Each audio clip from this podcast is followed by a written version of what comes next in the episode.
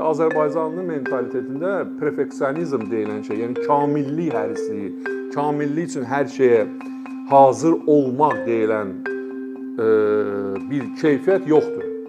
Azərbaycanlı mentalitetində, mentallığında belə hiss eləyir ki, kamillik ancaq yaradana məxsusdur və ona görə mən bir şeyi nəyisə düzəldəndə 100% kamillik uğrunda mübarizə aparmağa hədər bir şeydir.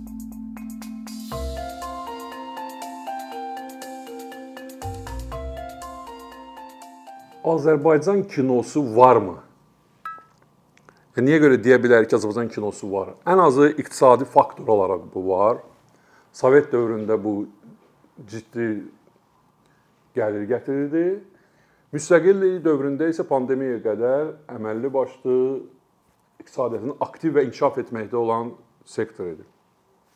Amma mən buna təkcə bu sualın cavabına təkcə iqtisadi faktor olaraq yox, xalqın həyatında iştirak edirmi sualının nəzərindən cavab verirəm. Yəni gəlir gətir amma xalqın həyatında iştirak etmirsə, mənim üçün Azərbaycan kinosu yoxdur. Amma iş burasındadır ki, Azərbaycan kinosu 100 illikdən artıq yaşı olanda olaraq xalqın həyatında iştirak edir. Sovetləşmənin ilk dövründə dini xurafatla, qadınların hüquqsuzluğu ilə mübarizə işində aktiv iştirak edib və mentallığın modernləşməsində misilsiz rolu olub. Bu mərhələni adlayan kimi Azərbaycan kinosu elə bil ki, Sovet reallığının Azərbaycanlıların e, milliliyini itirmə təhlükəsini, kosmopolitləşmə təhlükəsini, ifrat kosmopolitləşmə təhlükəsini görüb Azərbaycan kinosu milli özünə məxsusluğu qorumaq üçün mübarizə aparıb. Və bu Senseyzadənin filmlərində o e, və yaxud da ki, Axırıncı aşırım və başqa filmlər, Üzeyir Hacıbəyovun əsərləri ekranlaşdırılması, yəni bizim milli özünə məxsusluğu qorumaq.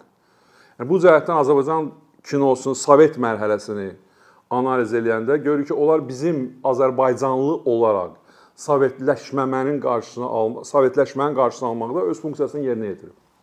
Bir də sonra gəldi azadlıq hərəkatı və məlum oldu ki, Azərbaycan kinosu azadlıq hərəkatının müəyyən bazisini hazırlamaqda kömək edir. Məsələn, Azadlıq meydanında e, tribunanın e, önündə Babəkin büstü var idi və bu Babək təbii ki, Babək dövründən şəkli qalmayıb.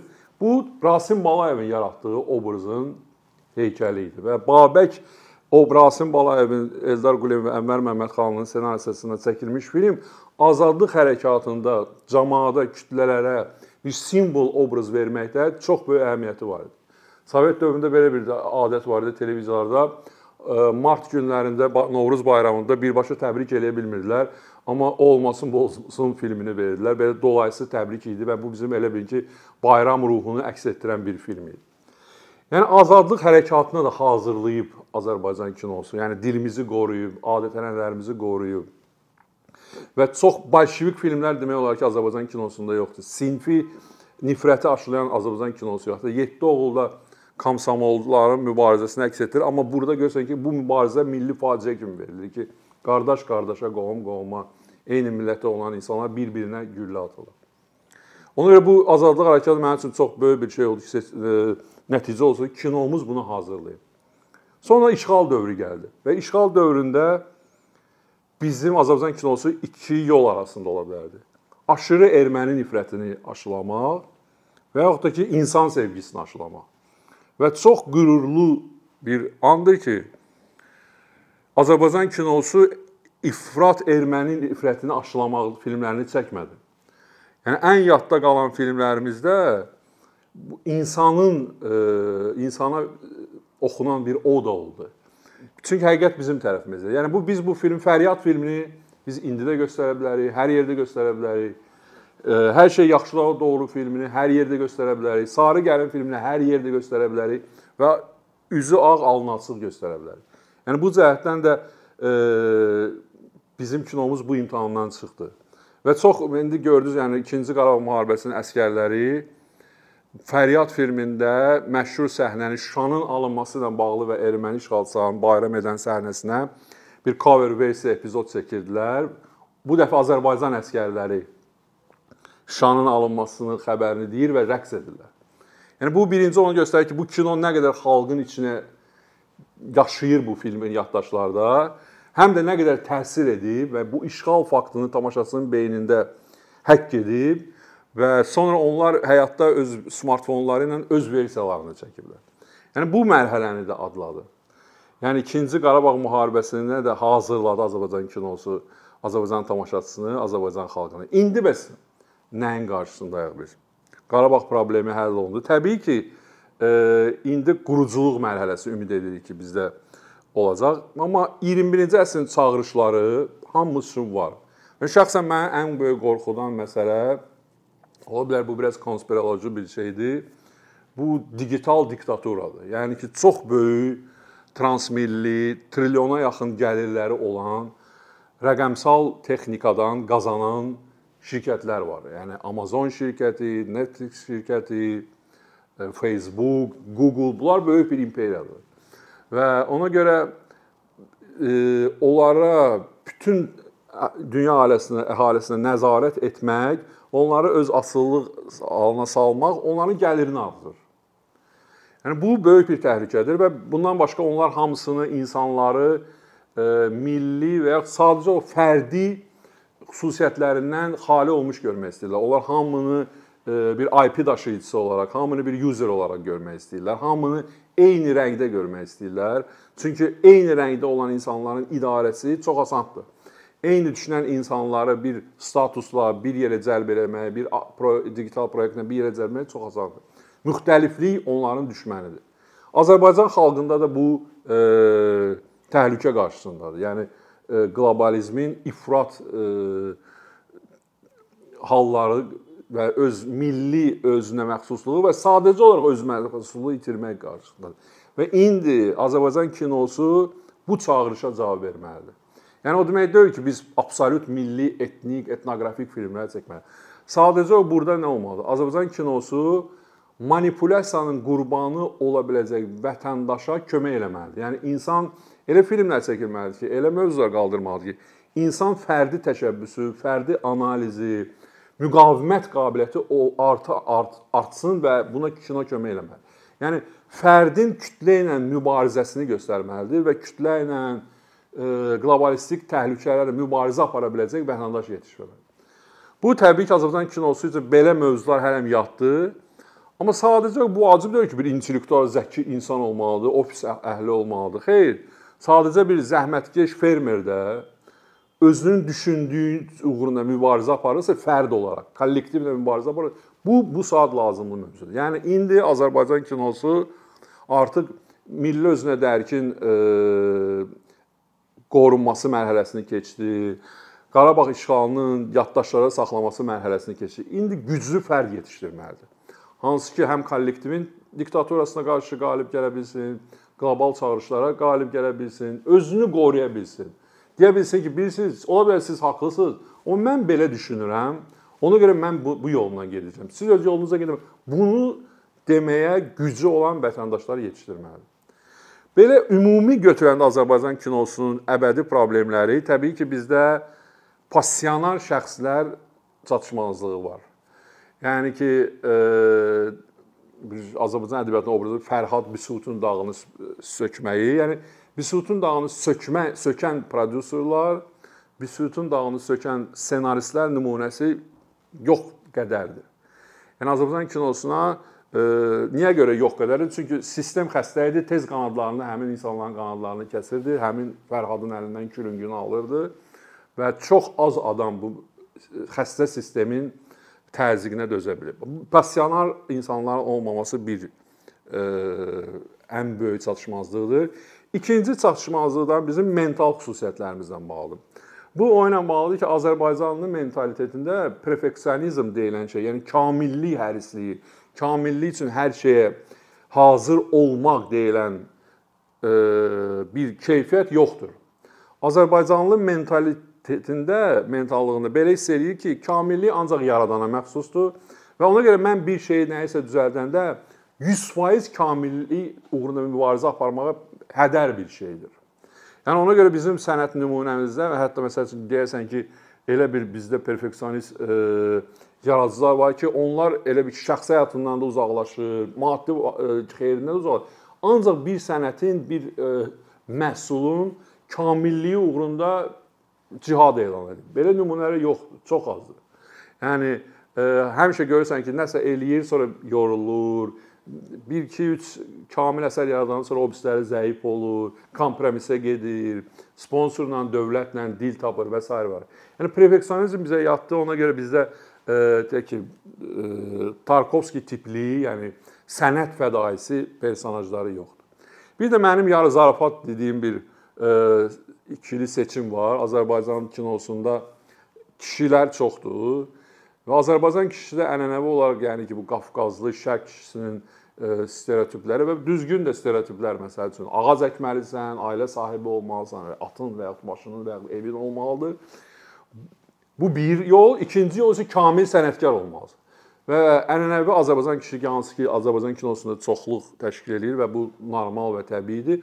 Onlar ilk növbədə mən ə, formalaşmış bir Azərbaycan kişisi olmalıyam. Ailə sahibi olmalıyam, ə, müəyyən sosial nailiyyətlərim olmalıdır və s.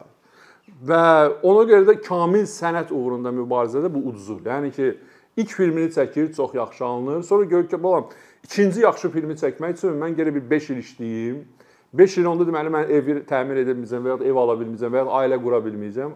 Ona görə o deyir ki, qoy tez-tez çəkim, zəif olsun, amma ailə qura bilim, ev tikim və ya uşaqları tərbiyə edim, uşaqlarımın təhsilinə fikir verim. Məndə alınmadı, alınmadı. Yəni belə bir kompromis e, seçim olur və bu da Azərbaycanda tək kino yox, bütün sənət növlərində biraz bizdə çox kamil nümunələrin azlığına gətirir.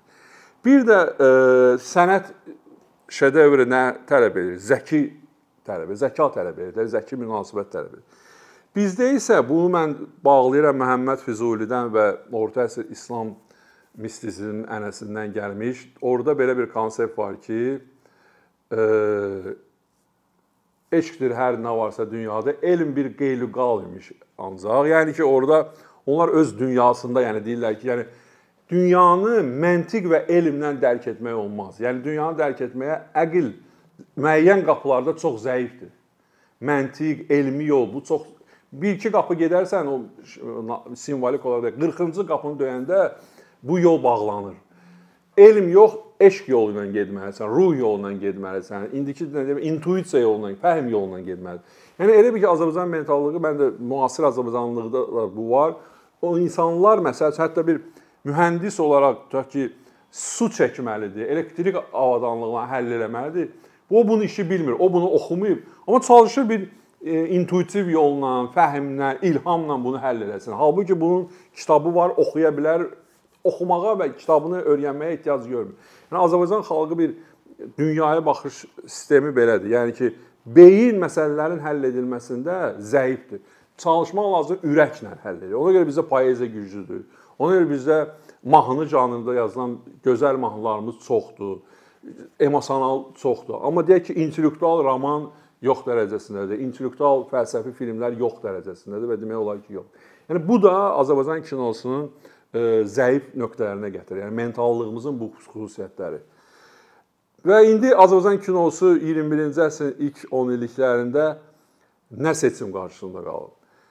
İki yol var. Bir yol odur ki, Azərbaycanlıların baxmadığı, amma ekspertlərin dəyərləndirdiyi filmlərə baxaq, çəkək. Yəni o Azərbaycan filmi Oskar aldı. Kimsə baxıb? Yox, heç kim baxmayıb. Baxmaq istəyir? Yox, baxmaq da istəmir. Azərbaycan filmi kandadır, amma heç kim baxmır və baxmaq da istəmir. İkinci yol odur ki, xalqın sevdiyi, xalqın baxdığı, xalqa psixoloji dəstək verən, amma biləcərdən o tərəfə keçməyən filmlər. Və bu iki yolun ikisi də olmalıdır. Biz indi gördük ki, Qarabağ 2-ci Qarabağ müharibəsində biz beynəlxalq bir təpki ilə rastlaşdıq və beynəlxalq e, Avropa intellektual cəmiyyətində bəziləri düşünür ki, Azərbaycan ə, e, mədəniyyətdən geri qalmış bir məhfum yaşayır, e, toplum yaşayır burada, dözümsüz bir toplum yaşayır burada, ə, müsəlman dözümsüzlüyü var burada və s. xristianlara qarşı. Bunun belə təfəkkürün olmamasının əsas səbəblərindən biridir ki, həmin ziyalıların yaşadığı ölkələrdə Azərbaycan filmləri nümayiş olunmayıb. Heç vaxt Azərbaycan filmləri onların festivallarında iştirak eləməyib. Bu fransızlar idi çoxu və Cannes festivalında Azərbaycan filmləri olmayıb. Azərbaycan filmləri qalib olmayıb. Onların film e, tənqidçiləri Azərbaycan filmləri haqqında yazmayıb. Deməli, çox vacibdir ki, Azərbaycan kinosu bu saat ekspansiya Azərbaycan xalqının e, necə biz iqtisadiyyatda necə yatırımlar edirik, bu iqtisadi ekspansiyadır. Yəni Azərbaycan xalqının ekspansiya siyasətini həyata keçirsin. Biz Avropaya gedək, Amerikaya gedək, e, Çinə gedək, Yaponiyaya gedək və bizi tanısınlar və bizi olduğumuz kimi görsünlər. Bu bir qoldur və bu filmlərə Azərbaycan xalqı baxmasa da olar. Və bunun funksiyası odur ki, bəs sanki bizim səfirimizdir, bizim mentalitetimizin, əxlaqımızın səfiridir. Başqa bir kino isə gerçəkdən xalqın sevdiyi əsası Üzeyir Hacıbəyev operetlər tərəfindən qoyulmuş, musiqinin aktiv olduğu komediyalar, e, komediyalardır və bu da çox vacibdir və bir ümidverici e, hal var. Pandemiyadan qabaq Azərbaycan komediyalarının boomunda hansı ki real gəlirlər gətirirdi, hansı ki 150 min bilet satışı nümunəsi var idi, hansı ki elə bir hal gətirmiş ki növbəti filmi çəkən adam mütəxəssis tapa bilmirdi çünki hamısı məşğul idi. İnsanlar texnika alırdı, insanlar kinoteatra investisiya qoyurdu. Orda komediyalarda nə qədər bayağı da olsa, nə qədər ə, e, sənət dəyəri cəhətdən şübhəli də olsa, çox vacib bir faktor var idi. Onların hamısının əsasında bu aktyor Elməddinin, Fərdanın oynadığı, Müşfiq Şahverdiyevin oynadığı personajların hamısı müqavimət göstərən fərddir. Sadəcə bunlar yumorun, satiranın, bicliyin vasitəsilə müqavimət göstərirlər. Yəni orada mənim həmişə sevdiyim o situasiyalardan bir filmlərin birində elədir ki, övlad, deməli həyat yoldaşı övlad dünyaya gətirib o xəstəxananın pulunu verə bilmir və həyat yoldaşını bu xəstəxanadan geri ala bilmir və buna görə mübarizə aparır. Gedir pul axtarır və s. bu pul qazanmaq istəyir ki, həyat yoldaşını xəstəxanadan çıxar. Yəni sosial problemi bu yolla göstərib. Yəni onların hamısında e, Azərbaycan komedi müasir komediyalarında sosial e, problemlərə, iqtisadi problemlərə, korrupsiyaya, hətta polis zorakılığına əziyyət çəkən Azərbaycanlının müqaviməti göstərir. Və bu cəhətdən e, çox böyük ümid var ki, Azərbaycan mədəniyyətinin mentallığını ekspansiyasına məşğul olan festival kinosu, intellektual kinosuna yanaşı xalqın baxacağı kino da olmalıdır və bu kinoda biləcəliyə qədər də olsa biz tamaşaçılara yaşamağa, müqavimət göstərməyə kömək edəcək. Bu iki qolun harmoniyası Azərbaycan kinosunun 20-ci əsr ilk 10 illiklərinin getməli olduğu yoldur. Əkinçinin yeni videoları haqqında məlumatlı olmaq üçün kanalımıza abunə olmağı və xəbərdarlıq funksiyasını aktivləşdirməyi unutmayın. Bununla bərabər gördüyümüz işlərin davamlı olmasını istəyirsinizsə, bizim patronların sırasına qoşulmağınızı rica edirik. Əkinçinin Patreon icmasının üzvü olaraq siz bizim təşəbbüsə dəstək göstərməklə bərabər hazırladığımız materialları hər kəsdən öncə izləmə imkanı əldə edəcəksiniz. İmkandan istifadə edərək cari patronlarımıza işlərimizi davam etməyə yardım olduqları üçün dərin təşəkkürümüzü bildiririk.